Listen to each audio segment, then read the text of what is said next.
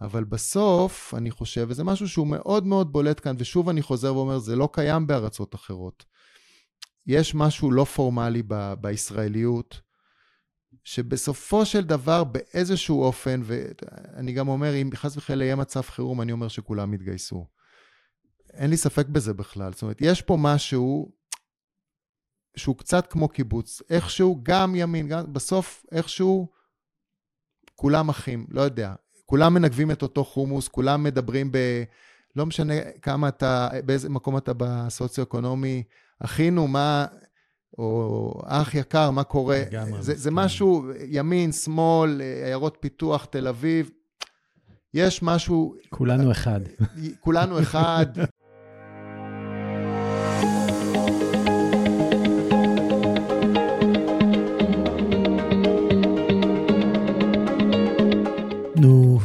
עכשיו? למה אף אחד לא לימד אותנו על החיים? לא בבית ספר, לא באוניברסיטה, לא בבית ולא באף מסגרת אחרת. לפעמים אני מרגיש שפשוט לא רצו שנדע.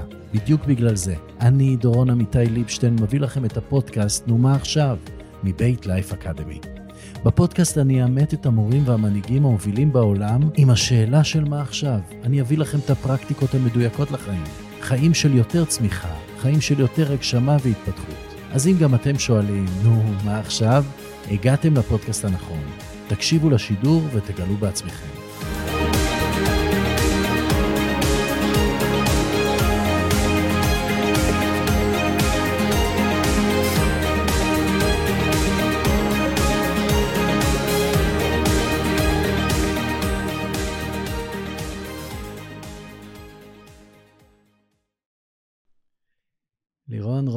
איזה כיף שאתה פה. איזה כיף שהזמנת, דורון, תודה רבה. בשמחה. למי שלא מכיר את אה, לירון, אז אה, במהלך 20 שנה האחרונות, לירון הוא יזם, סדרתי אפשר להגיד, משקיע בחברות הייטק וסטארט-אפים.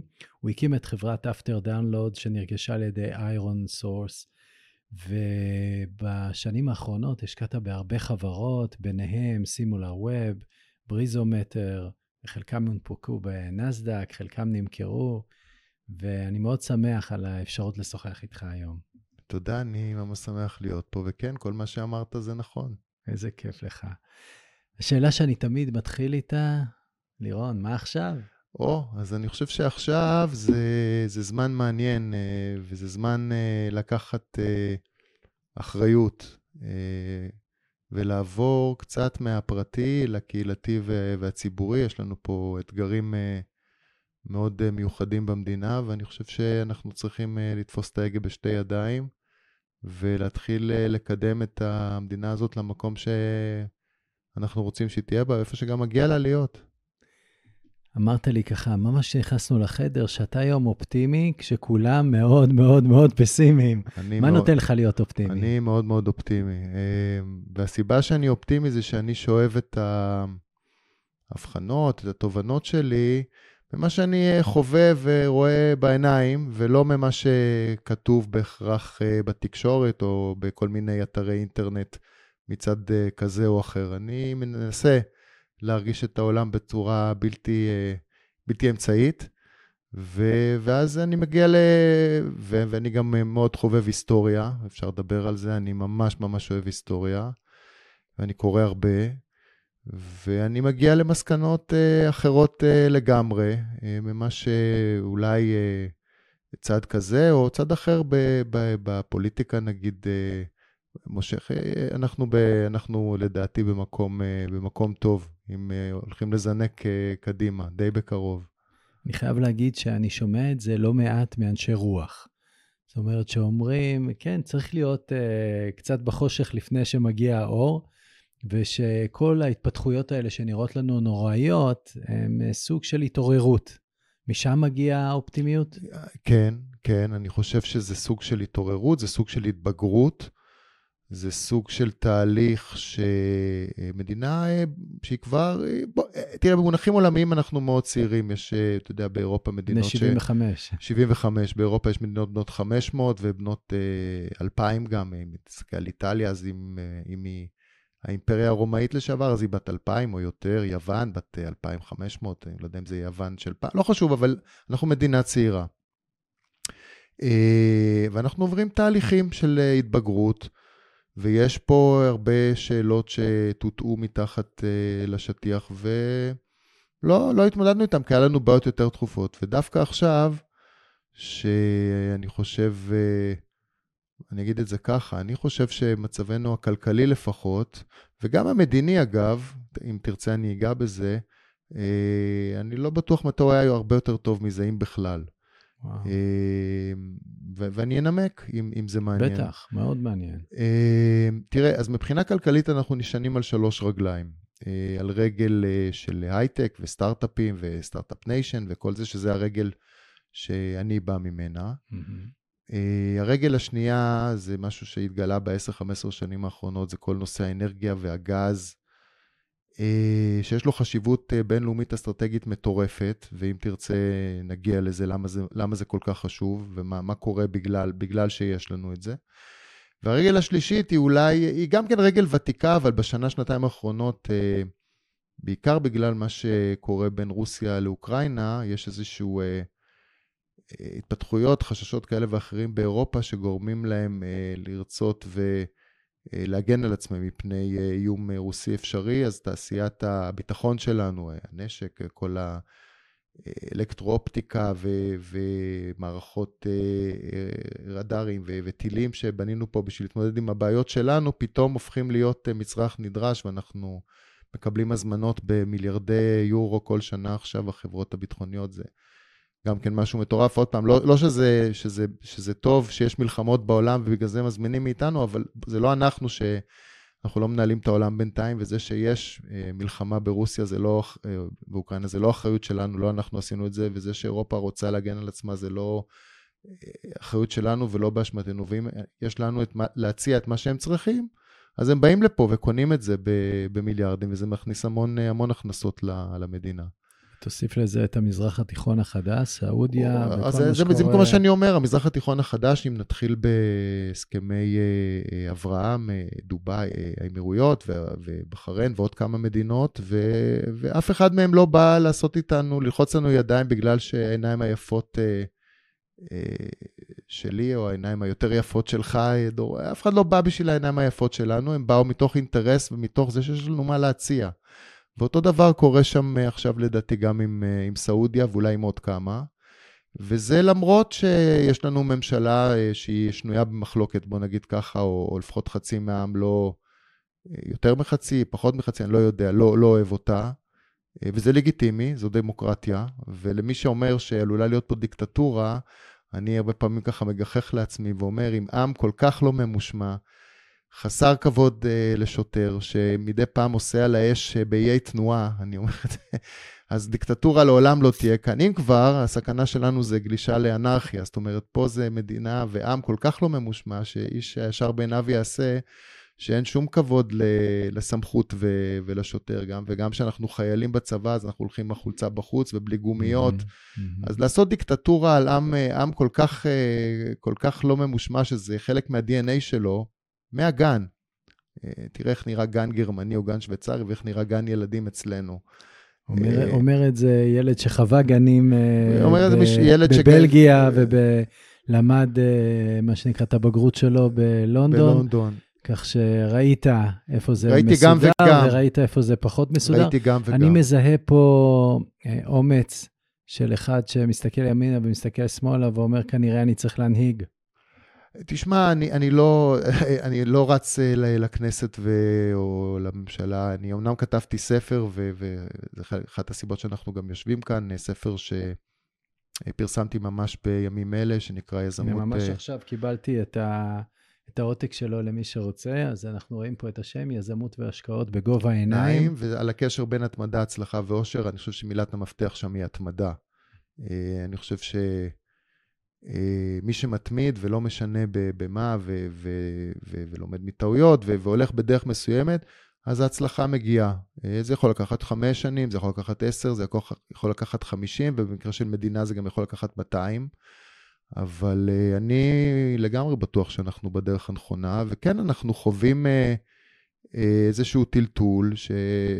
שזה בסדר, אם, אם הכל היה הולך חלק, זה אומר שאנחנו אה, אה, לא מתקדמים ועובדים במקום. ודווקא זה שיש פה, איך אני אגיד, אה, חוסר אדישות, זאת אומרת, הציבור הישראלי משני הצדדים, לא אדיש, זאת אומרת, הוא אכפת לו, הוא אכפתניק. אכפתניק ברמות הכי גבוהות שיש, הוא מוכן אה, לצאת לרחובות במאות אלפים מהצד הזה ובמאות אלפים מהצד ההוא, ולכל צד יש את הנימוקים שלו, אני לא, לא אכנס לזה אלא אם כן תבקש. אבל, אני, אבל, אני אבל מה... אכפת, אבל אכפת לאנשים מאוד, וזה לא משהו שאני רואה, ואני מסתובב המון בעולם, אה, אני טס המון. את האכפתיות הזאת, אה, שזה מבורך בעיניי, אני לא רואה בשום מקום.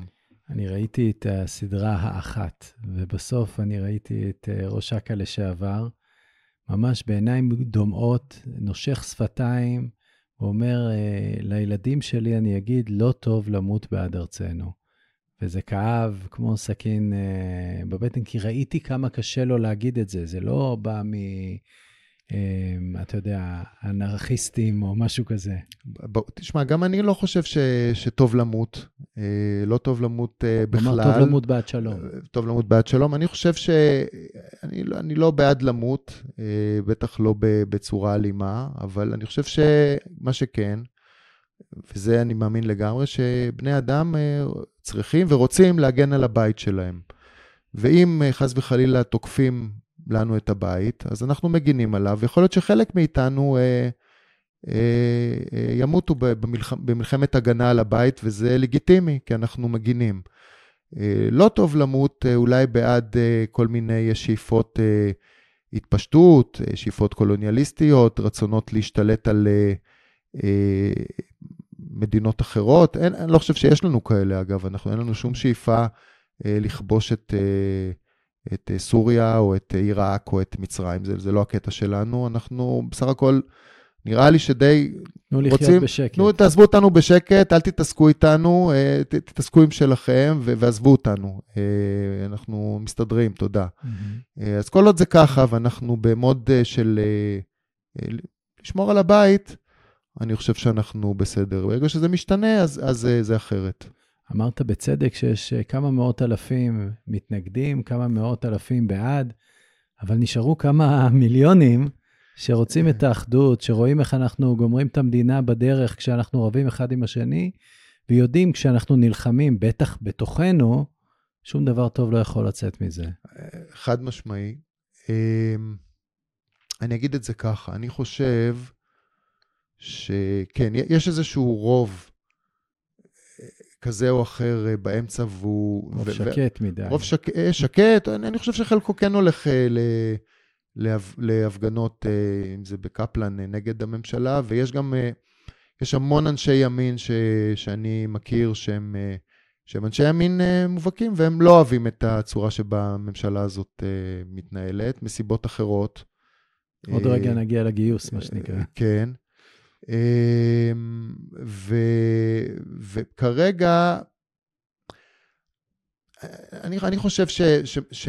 שוב, ואני לא רוצה, לי, באמת, לא תיקח אותי לכן ביבי, לא ביבי, כי זה לא... לא התכוונתי לא אפילו. ואני, ואני, ואני אגיד דבר כזה, אני חושב שאתה יודע, אנחנו מדינה בת 75, אנחנו עם בין 3,000, 4,000, אני לא יודע מאיפה בדיוק סופרים. היו חיים לפני uh, ביבי, ויהיו חיים לאומה אחרי ביבי. זאת אומרת, uh, היו, היו מנהיגים לפניו, יהיו מנהיגים אחריו. Uh, אנחנו מדינה חשובה יותר ויותר, בזכות הדברים שאמרנו קודם.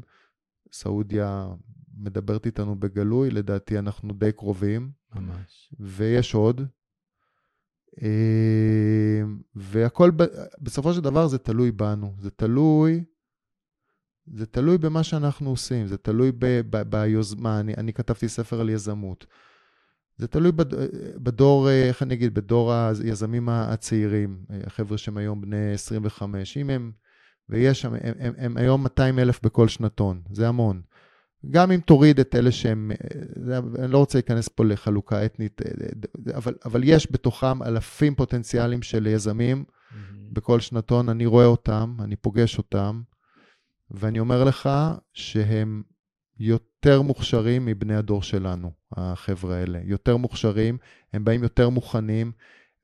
בסופו של דבר אנחנו בנינו להם, הדור שלנו בנה להם עוד, עוד מדרגה, והם עכשיו בנקודת זינוק עוד יותר אה, טובה ממה שהייתה לנו, ילידי אה, שנות, כן, לא אני אגלה סוד, אנחנו ילידי שנות ה-70. אז החבר'ה האלה שהם היו מדי שנות ה-90 נגיד, או אפילו תחילת 2000, הם, הם מתחילים בכלל ממקום אחר, הם גדלו אחרת, וכל המחשוב זה, והטלפונים הילדים זה משהו שהם גדלו איתו, והם הם, הם מחוברים לעולם, הם פחות הולכים לספריות אולי, אבל הם קוראים הכל בגוגל, הם יודעים הכל. יש מוטיבציה אדירה. לישראלים יש מוטיבציה להצליח, משהו שהוא... אני לא ראיתי את זה בשום מקום אחר. אולי כי, כי, כי לא היה בבית, אולי כי, כי היה חסר, אולי כי אה, הסבתא הייתה אה, ניצולת שואה, אני לא יודע, אבל יש פה מוטיבציה, וזה לא נגמר, זה רק מתחיל. אנשים פה רעבים, גם כי יקר פה, גם כי לא קל להגיע פה לבית, מהרבה סיבות, ואנשים פה רוצים להצליח, ואנחנו, אני, אני רואה את זה, אני רואה את זה בעולם, אני רואה את הישראלים מגיעים לכל מיני מקומות, ו... ו... והופכים שם את ה... זה עוד פעם מאוד אופטימי מצדך לראות את זה ככה, כי אני שומע הרבה אנשים בני גילנו, שאומרים, אין להם את אותו מוסר עבודה שהיה לנו, אין להם את המוכנות, מה שנקרא, להשקיע את כל מה שיש בעבודה. הם מחפשים את האיזון, הם רוצים את ה-well-being, הם רוצים גם עוד דברים חוץ מקריירה, שזה מאוד קשה לבני דורנו לעכל את זה, לקבל את זה, ולפעמים אנחנו רואים בזה אה, קצת, אה, איך נקרא לזה, פינוק, ואנשים כמו סיימון סיניק מדברים על זה, דור המילניום הוא קורא לו, שזה כבר אחרי דור ה-Y, והוא אומר, אה, אנחנו פינקנו אותם, גרמנו להם לחשוב שהם הכי טובים בהכל, ואז הם נתקלים בעולם העבודה והם מבינים שהחיים הם לא כאלה. א', אתה, אתה לגמרי צודק, דורון, אתה לגמרי צודק, ואגב, אנחנו לא המצאנו את זה, השיטות חינוך... האלה ששמים את הילד במרכז ונותנים לו את הכל וקונים לו הכל, מה שאולי לנו לא היה שהיינו ילדים, לנו לא נתנו הכל, אה, כי לא היה הכל. אה, זה לא בא מפה, זה כנראה בא מאיזושהי אסכולה, אולי זה בא מארצות הברית אה, ברמה מסוימת, אולי זה בא מאירופה, איפה שיש לחלק מהמשפחות רק ילד אחד, ואז משקיעים את כל המשאבים באותו ילד. פה, פה זה עדיין לא ככה, ואולי טוב שזה שאנחנו עדיין בממוצע עם שלושה ילדים, אה, זה, אז גם האוכלוסייה שלנו גדלה והכלכלה שלנו גדלה בזכות זה. אה, ילדים מפונקים, אז תראה, אה, אני, אני לא יודע, אני, אני רואה, תשמע, אני רואה יזמים שהם אפילו לא מאזור, אתה יודע, לא היזמים ה... איך אני אגיד, הקלאסיים שבאים מ-8200 ו-81 וכל היחידות המיוחדות, טייסים, אני רואה גם כאלה שהם אה, היו אה, חירניקים ושריונרים, והיו אה, מפקד פלוגה כזה או מ"מ כזה, מהצפון, מהדרום, ולא מפונקים, רוצים, רוצים להצליח ובגדול. חלק מהם מדברים בגלוי, ואני, אפרופו מה שאתה אומר, אומרים, רגע, שנייה, למה בעצם שנעשה את זה כאן? אולי בוא נעשה את זה בפורטוגל, בוא נעשה את זה ב... ביוון, בואו נעשה את זה בצ'אנג מאי בתאילנד, אה, הכל יותר זול שם, אנחנו נוודים דיגיטליים, אפשר לעשות היום סטארט-אפים מכל מקום.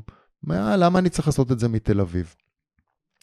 ואני יכול להבין את זה, אני יכול להבין את זה, אה, כי באמת אה, יש מקומות שהיוקר מחיה יותר, יותר זול והבתים עולים רבע, הרבה מקומות כאלה יש בעולם, אבל אף אחד מהם הוא לא הבית, וגם כשישראלים עוברים למקומות האלה, ואני אגיד לך עוד משהו, זה לא סתם שכל המדינות האלה באירופה, אה, ולי יש אזרחות זרה, נותנות לנו מחדש את האזרחויות, כן? אני חושב שזה לא מקרי.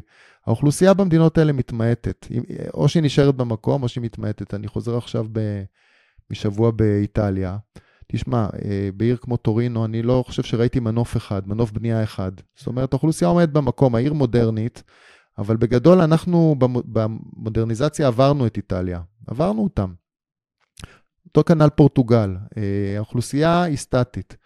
והם זוכרים שלפני 500 שנה היו פעם יהודים שם, שהם גירשו אותם מהאינקוויזיציה, והם נזכרו שרגע, היהודים האלה בעצם, הם הרימו לנו את המדינה. הם בנו, הם יזמו, הם סחרו, הם, הם עשו... בואו, מה אכפת לנו? בואו נחזיר אותם, בואו ניתן להם את האזרחות. אולי חלק מהם יבואו לפה ו- ו- ויבנו לנו מחדש, וזה באמת קורה. זאת אומרת, חלק, יש ישראלים שהולכים לשם, ומתחילים לקנות ו- ולמכור ו- וליזום אה, בנייה בפורטו, כל מיני דברים כאלה. ש- עוד פעם, זה שוב היזמות הישראלית, אם תרצה היהודית, יוכל לבוא לידי ביטוי במקומות אחרים. אה, ופורטוגל זה אחלה מדינה, פעם נלחמנו נגד ירידה, היום אולי אתה אומר שזה טוב לנו, מגדיל את ההשפעה שלנו בעולם? אה, אתה יודע, אני אגיד לך ככה, זה...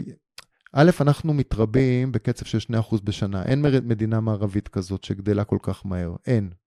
אני אפילו לא בטוח שאם במדינות עולם שלישי יש משהו כזה, אבל בטוח שב-OECD, בעולם המערבי, אין דבר כזה. זה אומר שבתוך דור, בתוך 25 שנה, אנחנו מכפילים את האוכלוסייה פי 1.5. אז אם אנחנו היום 10 מיליון, אז עוד 25 שנה, שיהיה לנו נכדים, אני מקווה, אנחנו נהיה 15 מיליון פה, על אותו תא שטח שהוא די קטן, זאת אומרת, אני יכול לדמיין את תל אביב, כל מה שהוא 3 או 4 קומות יהיה 8, וכל מה שהוא 50 קומות יהיה 100, כי, כי פשוט אין יותר מקום. אז אתה יודע, אם חלק מה, מהישראלים ילכו ויגורו במקום אחר, וזה כבר קרה, עברו לארה"ב, ללוס אנג'לס, ועברו לניו יורק לפני 20 ו-30 שנה, וחלק חוזרים וחלק לא, יש תנועה בשני הכיוונים. יהודים צרפתים שלא קשורים לפה, באים לפה מסיבות אחרות, יש תנועה, תנועה זה טוב. אז גם אם חלק מהישראלים יעברו לפורטוגל, יהיו שם כמה שנים, יחסכו כסף, יגידו, טוב, בעצם אנחנו מתגעגעים הביתה, רוצים אה, לדבר עברית, רוצים את החומוס שלנו, וזה בסוף מה שקורה לישראלים גם בניו יורק וגם בקליפורניה. הם רוצים לדבר עברית, רוצים את הסחבקיות, רוצים להרגיש בבית, רוצים את החומוס שלהם שהם רגילים, ואת הקפה, ולשבת בים, ואת המטקות. ו... זה חסר לישראלים, לא משנה מה, ישראלים הם ישראלים. הם יכולים לצאת לכמה שנים אה, אה, החוצה, זה קרה לי בתור ילד, אבא שלי נסע פעמיים, יצאנו לשליחויות, הורים שלי חסכו כסף, חזרו לארץ, זה עזר להם לשדרג אה, מדירה לבית לפני 40 שנה. לגיטימי. ו... וחוזרים. עכשיו, ואני חושב שהתנועה זה דבר חיובי, לומדים מצד אחד דברים חדשים, אה, ו, ומי שרוצה גם יכול, אה, בסדר, אם מתאים לו, אז הוא גם יכול אה, להישאר, הוא מרגיש מספיק בבית ב, ביוון ו, ולומד יוונית, והוא, והוא ממש מתחבר ברמה שהוא מתחבר לתרבות ו, והוא יותר, בסדר, אתה יודע, גם בסדר. אני מכיר את התנועה הזאת כי גרתי ארבע שנים בלונדון, ונסעתי 30 שנה, שבוע בחודש לארצות הברית, ו, והיום נרגעתי, ממש קורונה הרגיעה אותי. הבוקר קמתי וקראתי את הספר שלך, ולא הורדתי אותו עד שלא סיימתי אותו. איזה כיף. וקודם כל אני רוצה להגיד uh, שהוא כתוב טוב, הוא כתוב נעים, באמת כמו שאתה כתבת פה, בגובה העיניים. Uh, אני מרגיש שאני מכיר אותך באמצעות הספר, ואני מרגיש שקיבלתי ערך ממנו, ואני ממליץ בחום לכל מי שרוצה לקרוא ספר על יזמות ועל כלכלה ועל תהליכים שקורים היום בעולם. ועל הזווית שלך, של אחד שחווה את כל הדברים האלה ועדיין חווה. זאת אומרת, זה נכתב באמצע היצירה שלך. זה לא בסוף היצירה, אפילו שיש לך המון הצלחות. אתה גם כתבת על הכישלונות, בגלל זה זה בגובה העיניים. ודברים שכלפי חוץ נראים אה, הצלחות, אבל מבפנים אתה מרגיש שהם פחות. לגמרי. מה הביא אותך לכתוב את הספר? אז אתה יודע, זה באמת uh, משהו ש... הפרויקט הזה של לכתוב ספר, ואני לא התכוונתי אה, לכתוב ספר אה, אפריורי, למרות שסבא שלי כתב כמה, אה, וזה כאילו קיים במשפחה. על מה, הוא כתב?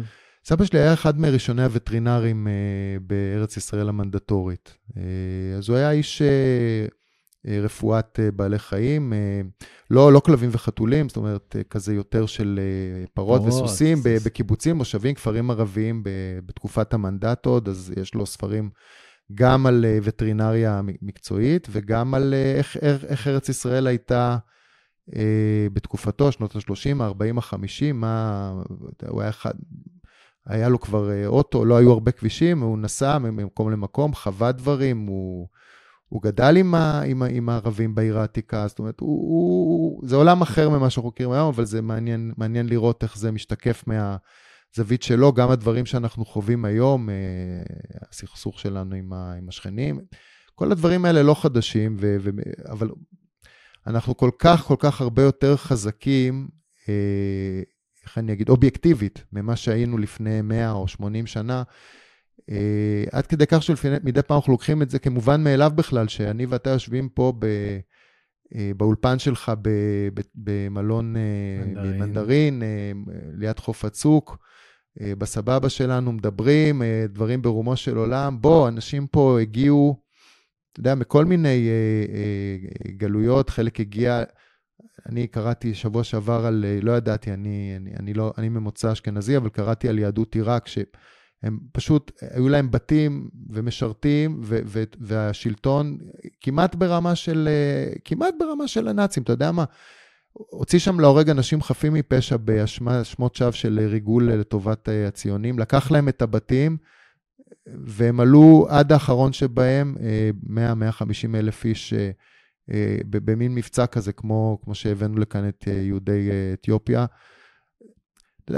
קורא דברים כאלה ואומר, וואו, איזה מזל שיש לנו בית. זאת אומרת, אני חושב שהיהודי והישראלי הוא מאוד מאוד מאוד חזק, שהוא יכול לצאת לעולם, לעשות כל מיני דברים, יזמויות, עסקים, לא משנה מה, ואז הוא חוזר הביתה לבית שלו, ופה, מה שנקרא, הוא המלך, אף אחד, ושאף אחד לא יגיד לי שזה לא שלי. אני, שאף אחד לא יגיד לי, לא, לא, אתה, זה, פה יש לי איזשהו מסר אה, אולי לאויבים שלנו, שאף אחד לא יגיד לי, אתה לא מפה. אני מספיק דורות מפה, ואין לי שום כוונות לחזור אה, לרומניה, במקרה שלי. אה, אז תתכבדו ו...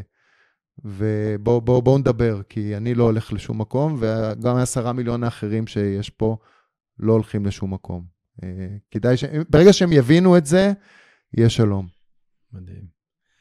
וכשאתה מספר את הסיפור שלך, קודם כל רואים אה, יזם מגיל 17, זאת אומרת, ילד שמסיים לימודים מוקדם מהצפוי, מגיע, מחליט להיות עתודאי, עוד פעם יוזם יציאה מהצבא, שהיא לא דבר טבעי ורוב האנשים לא מסוגלים לצאת, אבל אחר כך משלם בריבית דריבית ומקבל הכרה על הרבה שנות מילואים ותרומה למדינה, ובעצם מחפש את דרכו כיזם ומוכן לקחת סיכונים ו- ולהשקיע וללמוד דברים חדשים. Uh, אפשר להגיד שההתבגרות שלך הייתה עם הלידה של האינטרנט.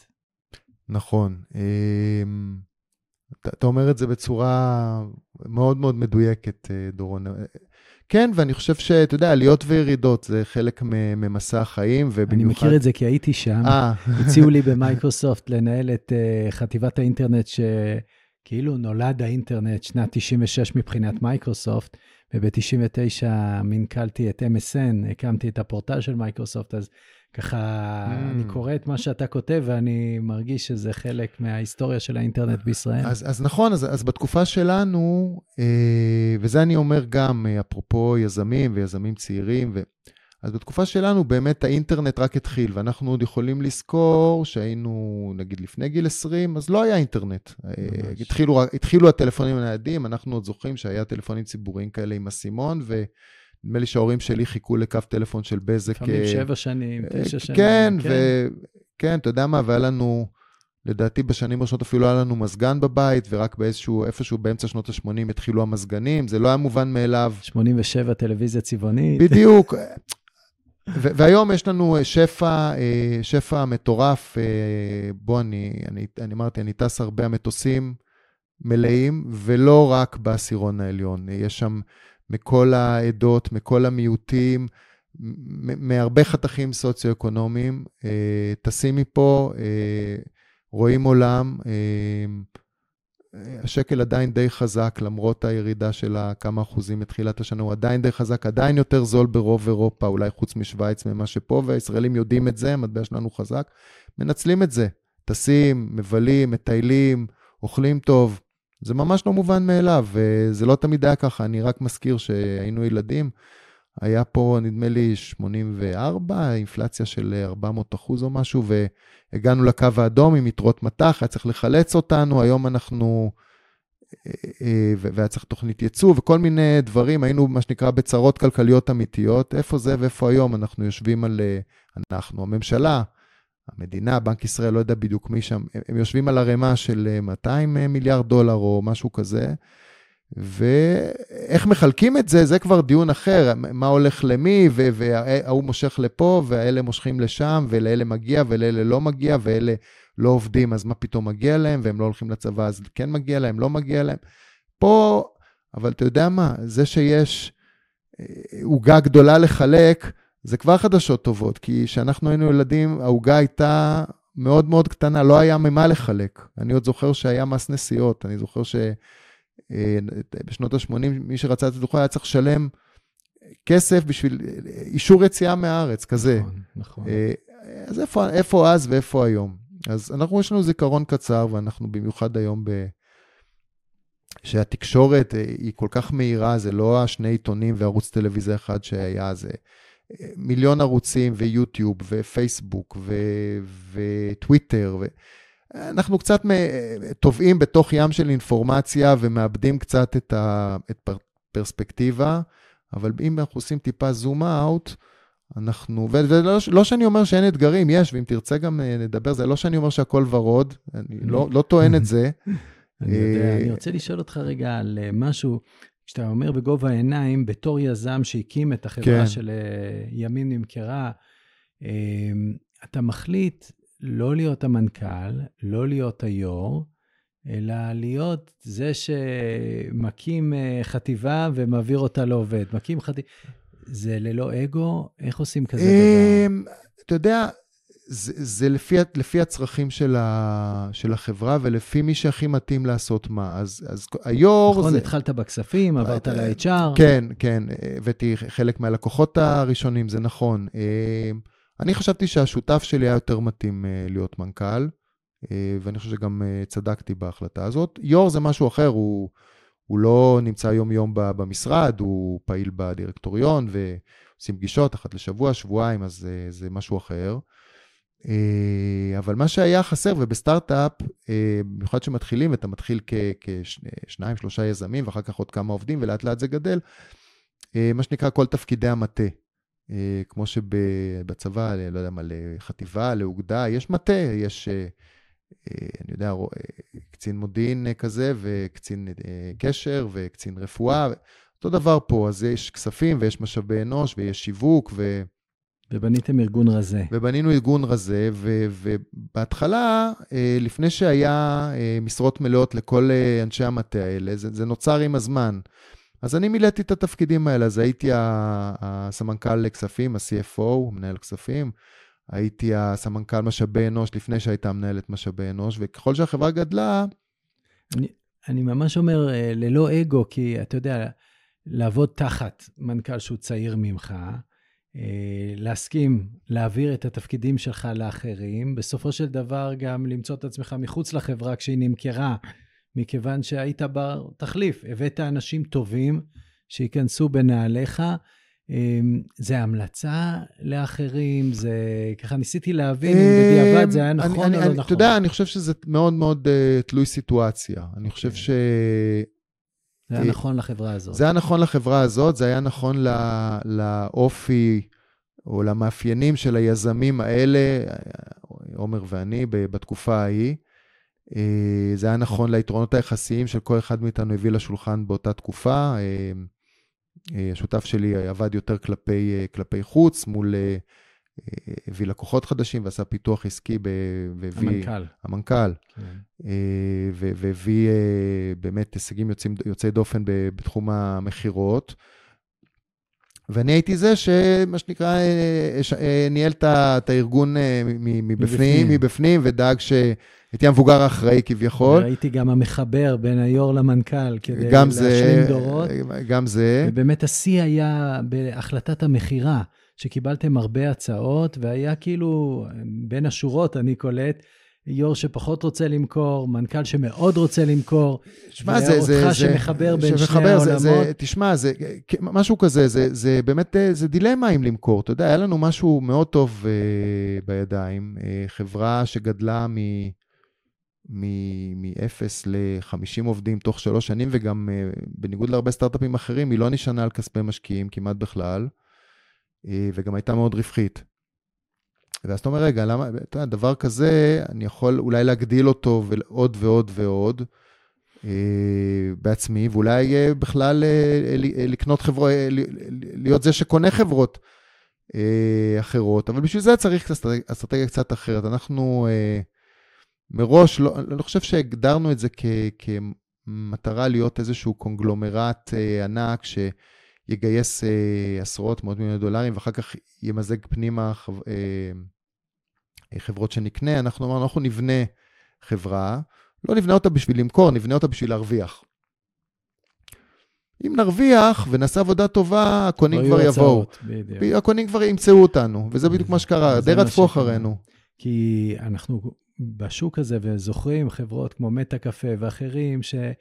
כביכול השווים היו מאות מיליונים והם נעלמו לחלוטין, כי הם לא עשו את החבירה, הם קיבלו הצעה ממייקרוסופט בזמנו ו... וסירבו. אז, ולכן אה, זה, אז, זה תמיד המשחק הזה. אז אתה יודע, אני, אני במשך השנים, היה לי, כל פעם דעתי הייתה אחרת, האם מכרנו אה, נכון או נכון. נמוך, לא נמוך. לא נמוך, כן. כן נמוך, בזמן, לא בזמן. ואתה יודע, זה, זה, זה רק מראה שאין פה שחור ולבן, אין פה אה, מכירה נכונה או לא נכונה, זה משתנה פר הציידגייסט, פר רוח התקופה, פר איך שהשוק שה, נראה באותו רגע. ובמקרה שלנו, אני חושב שעכשיו, ממרחק של עשר שנים, זה כן הייתה מכירה נכונה, מכיוון שמה ש... הטרנד שעלה, ויאמר לזכותו של המנכ"ל אוקיי. אוקיי. שלנו, שהוא זיהה את זה, זה טרנד המובייל. אנחנו היינו חברה שנבנתה יותר על עולם ה web, על עולם הבראוזרים, המחשוב, המחשב. והטכנולוגיית מובייל הייתה אה, פחות או יותר בהתהוות, ובמהלך שנים השימוש במובייל אולי עקף את השימוש במחשב, והפרסום במובייל נהיה מאוד ברור. מאוד חשוב. ולנו לא היה ממש את הטכנולוגיה הזאת. אה, היינו מאוד חזקים בצד של הווב. עוד, אז... עוד הוכחה שזה עבד, זה שהוא עדיין שם. ואתם קיבלתם מניות, והשווים שלהם עלו עם השנים, כן. מה שהוכיח שזאת הייתה השקעה הראשונה הייתה, שלכם. זאת הייתה השקעה, נכון, זאת הייתה... שהוכיחה את עצמה. אגב, זאת לא הייתה ההשקעה הראשונה שלי, באופן אישי, בסטארט-אפ השקעתי גם כן. קודם, אבל, אבל בהחלט, מכירה כזאת, אתה צודק, דורון, זה... אתה מצד אחד עושה איזשהו אקזיט שהוא לא היה ענקי באותה תקופה, הוא היה מאוד מכובד, אבל לא, לא במיליארדים, אבל אתה מקבל מניות בחברה הרוכשת, וזה בעצם סוג של אה, השקעה ואמונה באותה חברה שהיא תעשה דברים גדולים, וזה באמת מה שקרה. ואחר כך אתה משקיע בחברות, מה שנקרא ב seed שלהם. בהתחלה של ההתחלה אתה כן, angel, כן. ומשקיע בשווים של מיליון דולר, מיליון כן, וחצי כן, דולר, כן, כן. חברות כן. שמגיעות היום למיליארדים. כן. ואתה מדבר בספר על אינטואיציה. להקשיב לאינטואיציה, לא להקשיב לאינטואיציה, כי יש דעות לפה ולפה. תראה, אה, אני אגיד לך ככה, אני עושה השקעות בסטארט-אפים 17 שנה, מ-2006, פעם ראשונה. והיום אני יכול להגיד לך שאני יותר צנוע בהערכת היכולות שלי לעומת אז. וזה למרות ההצלחות שמנית. היו גם כמובן חברות שנסגרו, אבל באמת אחוזי ההצלחה אצלי בפורטפוליו, אני חושב שהם חריגים לטובה, גם לעומת הקרנות ההון סיכון הטובות. יש לזה כמובן סיבות, אני, אני לא קרן הון סיכון, אז ההשקעות שלי, אני, אני יכול להחליט שבשנה מסוימת אני לא משקיע בכלל, כי, כי תנאי השוק לא, לא, לא מתאימים, או כי לא ראיתי סטארט-אפ מספיק מעניין, או אני לא חייב להשקיע, זה נותן לי איזשהו יתרון לעומת uh, גופים מוסדיים יותר שחייבים uh, להשקיע תוך פרק זמן מסוים. אבל יחד עם זאת, uh, אני גם אומר ש... היכולת אה, לזהות אה, סטארט-אפים מצליחים, ובאמת השקעתי בכמה וכמה כאלה שנהיו אה, מאוד גדולים, והונפקו, כמו שאתה אומר, ונמכרו לענקיות טכנולוגיה. יש בזה הרבה אלמנטים, אבל זה לא מדע מדויק, זאת אומרת, זה לא משהו שניתן ל... לשחזור, ו- ואין לי איזושהי נוסחת קסמים כזאת, הלוואי שהייתה לי, זאת אומרת, זה היה מאוד יומרני מצידי להגיד. אני יותר שואל אותך להקשבה לקול הפנימי. אז, אז אני אגיד לחלק לך... לחלק שיודע בתוכך. אז, אז אתה יודע מה, אז קודם כל, תראה, עובדה שגם uh, היו השקעות שהפסדתי בהן, זאת אומרת שגם הקול, אותו קול פנימי, הוא uh, לא מבטיח הצלחה של 100%, אבל הוא בהחלט, uh, אני אגיד לך מה הוא נותן. במקומות שלא הצלחת. זאת הייתה באמת גם הקשבה לאינטואיציה, או אה, יותר אה, מנטלי, תראה, הגיוני? אז, אז אני אגיד ככה, למשל, ב, יש בספר אה, דוגמה מתחום הנדל"ן דווקא, כן. כי, כי שם זה, התוצאה היא פחות... החברה ההולנדית. גם חברה הולנדית וגם איזושהי, איזשהו נכס נדל"ן, יש שתי דוגמאות שקניתי בעצמי. אז שם, תראה, בנדל"ן זה פחות, התוצאה היא פחות בינארית ממה שבסטארט-אפים. בסטארט-אפים, או בדרך כלל, או שזה לא מצליח בכלל והפסדת את כל ההשקעה והסטארט-אפ נסגר, או שזה מצליח בטירוף, ואז עשית פי 50 או פי 100 או פי 30 על הכסף, וזה נהיה יוניקרון חד קרן ששווה מיליארדים. זאת אומרת, יש, איך אני אגיד, אה, אה, אה, טווח, טווח תוצאות גדול מאוד לשני, לשני, הכיוון, לשני הכיוונים רחב. בנדל"ן זה, זה פחות, זאת אומרת, הכישלון הוא יכול להיות בזה שאתה תפסיד קצת, או לא תרוויח, אה, ההצלחה יכול להיות שתרוויח אה, רווח הגיוני, אבל, אבל זה, זה לא יהיה פי, אה, פי, פי 100, כן? Mm. או פי 20, זה, זה לא, לא יקרה.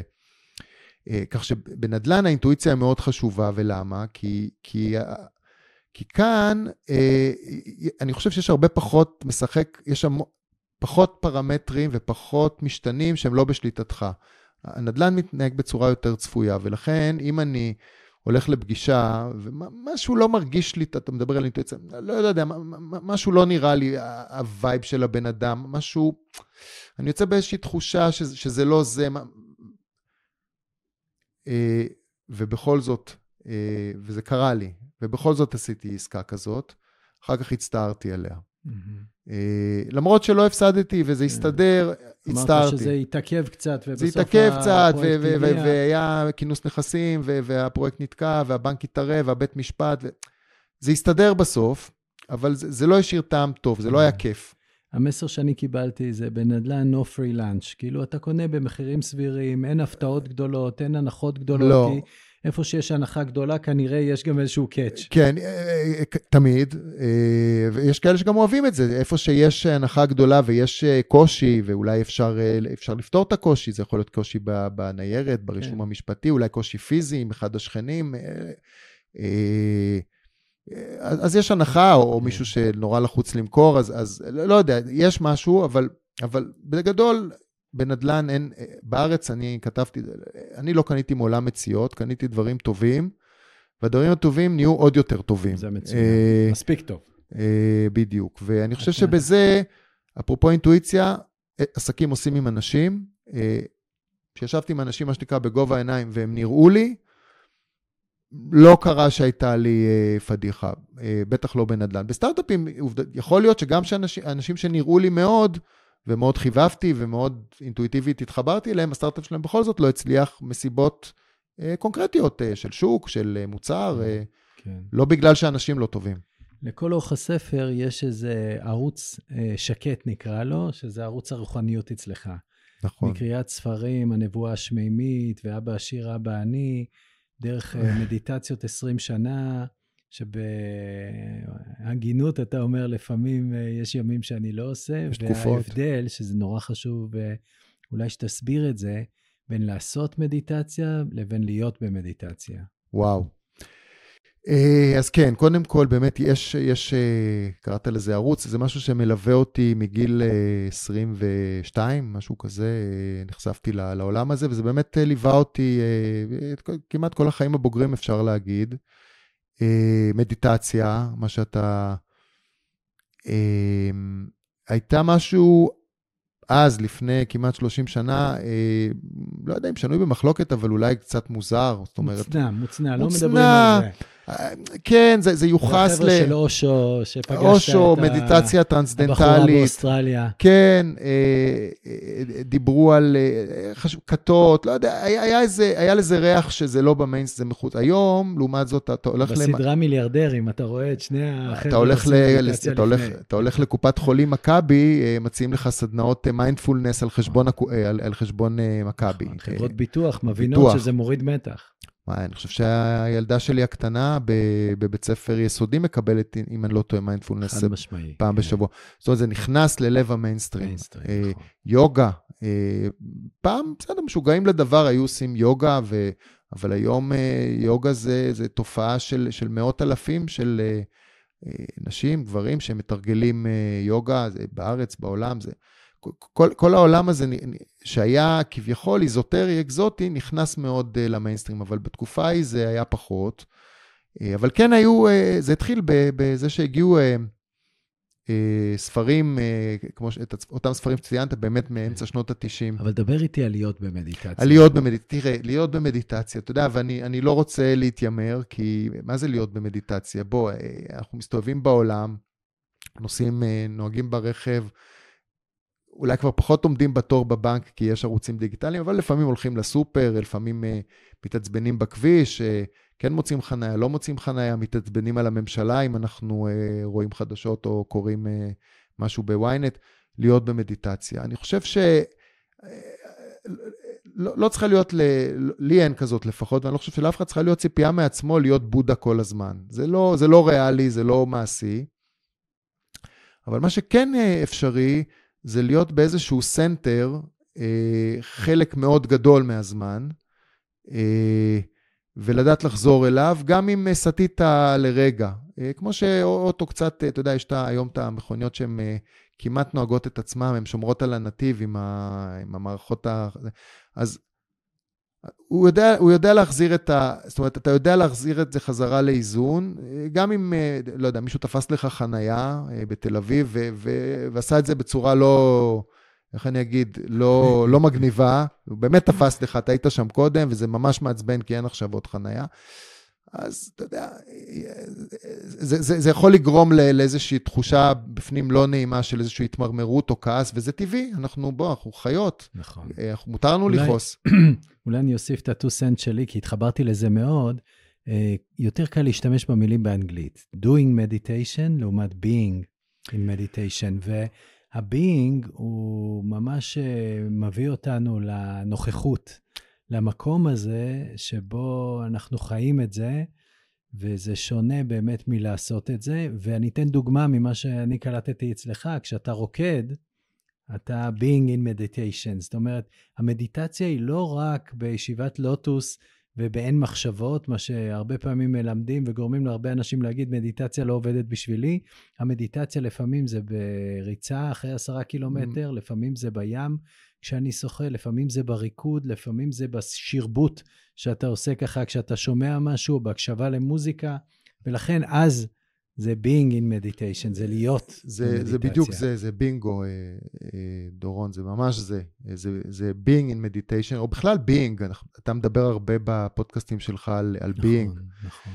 אה, ובינג, אה, שוב אני חוזר, זה לא אומר להיות אה, באיזה, לא, לא בלוטוס כל הזמן ולא בודה, זה גם אומר להרים טלפון ולדבר עם השירות לקוחות של יס או הוט ולחכות שם בתור 40 דקות ולמה הם לא עונים, ו... או שהם כבר כן עונים והם לא עונים כמו שאנחנו רוצים שהם עונים, אז גם להתעצבן עליהם, זה, זה בסדר, אבל כל עוד אנחנו יודעים לחזור מהדבר הזה מהר ל... לה... למרכז שלנו, אז, אז קצת קצת אנחנו, מותר. אה, being in meditation.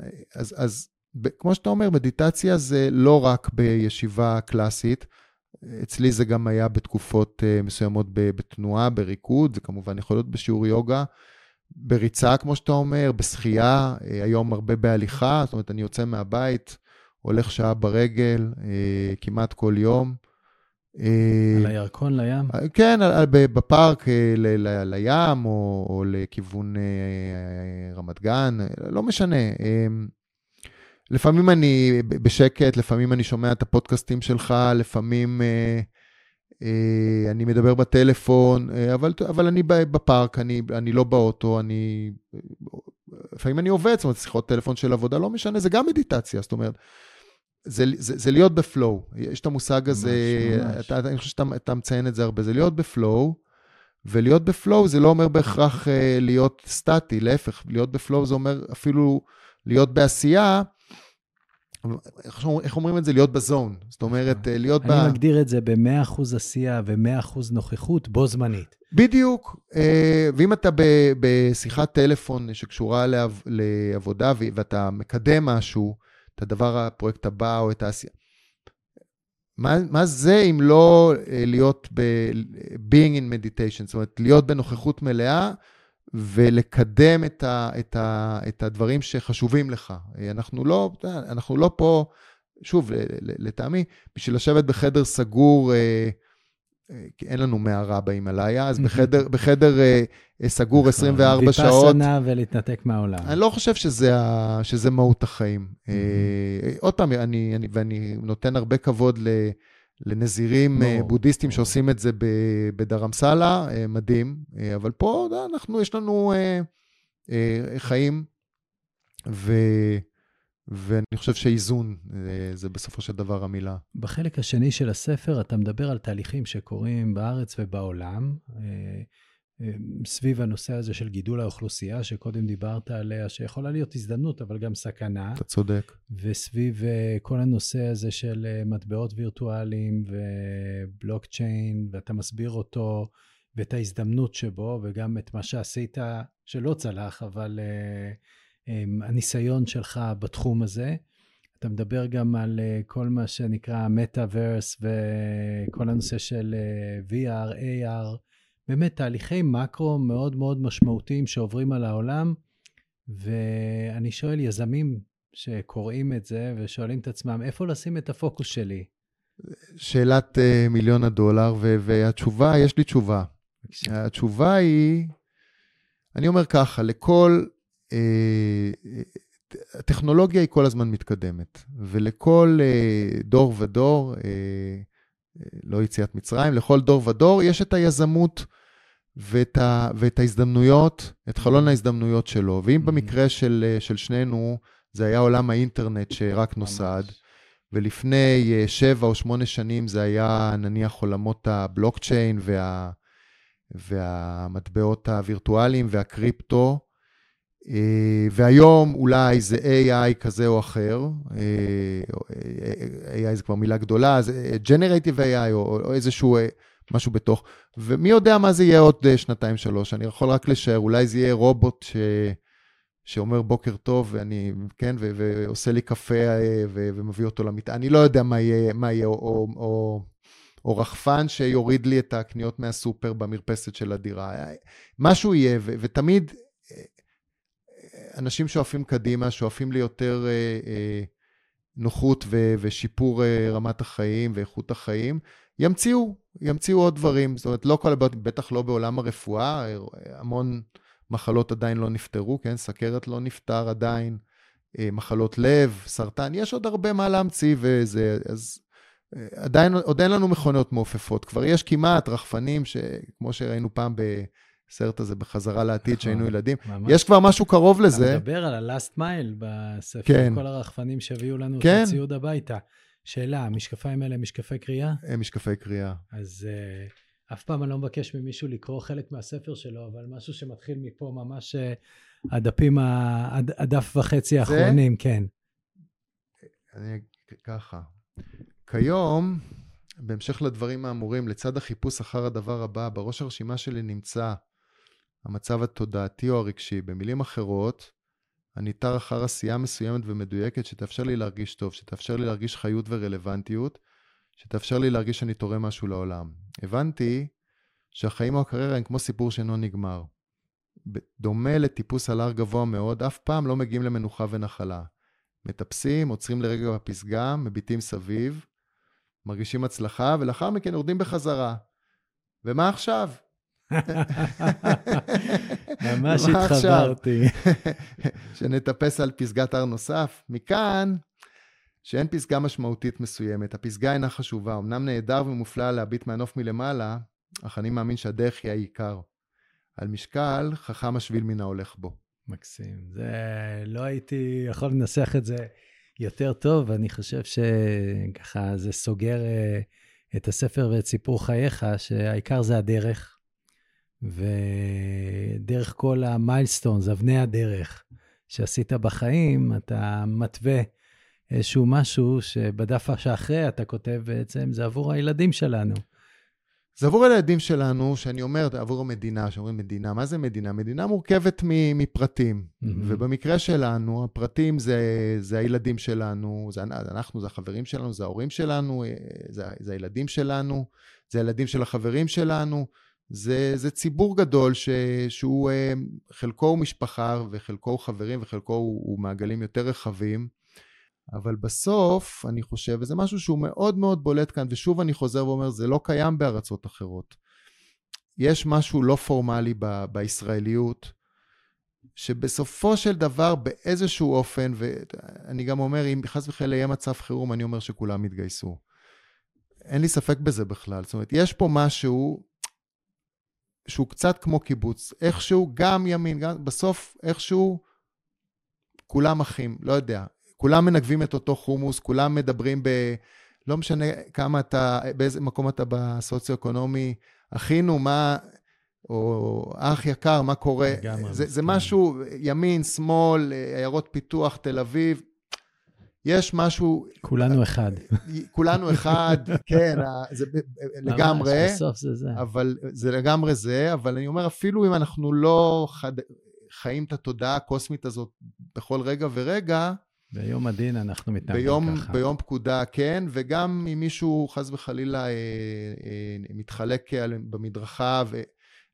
15 אנשים אה, ירוצו להרים אותו, אחד מהם יהיה גם עם איזושהי נכון, הסמכה נכון, כזאת או אחרת נכון, של נכון. רפואה, ו- ויציל אותו. חובש קרבי או פרמדיק, משהו, או כל דבר אחר. או אם חס וחלילה... אם מישהו חולה בסביבה שלנו, כולנו או, נרתמים ומיליונים מגייסים. אתה יודע, היה לו מזמן פיגוע, ממש 50 מטר ממני, ליד איפה שאני גר, בא מחבל כזה עם, עם טנדר גדול ונכנס בתחנת אוטובוס, ולמזלנו שם אף אחד לא נהרג, זה היה ליד הבית שלי. משום מקום בא בן אדם, אזרח רגיל עם, עם אופנוע, ו... ו... טיפל בו. כן, עכשיו, אתה יודע, אפשר להיות יפי נפש ולהגיד, זה כן מוצדק, אני חושב שזה בסדר, זאת אומרת, זאת הגנה עצמית. בא בן אדם out of nowhere, תוקף בלי שום סיבה אנשים שעומדים בתחנת אוטובוס. היה מי שאתה יודע, לא שוטר אפילו, ש, שהגיע ו, ו, והציל את המצב. אה, לגמרי הציל את המצב, כי זה היה באמת איזה ג'בר ענק, שבוא כן. נגיד עם אותו איש... יכול היה להיגמר מאוד מאוד מאוד מאוד, מאוד, כן, זה... אני, באווירה אופטימית זו, מה שנקרא. תמיד, תמיד.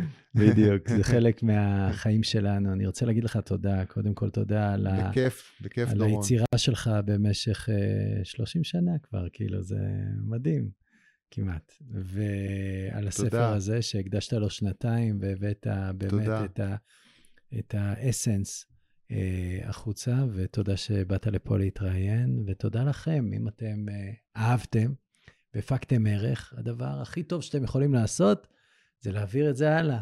לשלוח לחברים, לשלוח ליזמים, לשלוח לילדים שלכם, שילמדו משהו. אתם רואים פה, יש uh, הרבה אופטימיות והרבה מה ללמוד, וזה הכי טוב ללמוד, להיות בהתפתחות אישית.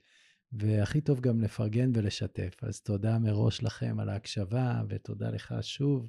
תודה רבה, דורון, שהזמנת, ממש כיף להיות כאן, ושנמשיך לעשות טוב ביחד. בדיוק, שנעשה טוב ביחד. להתראות. להתראות.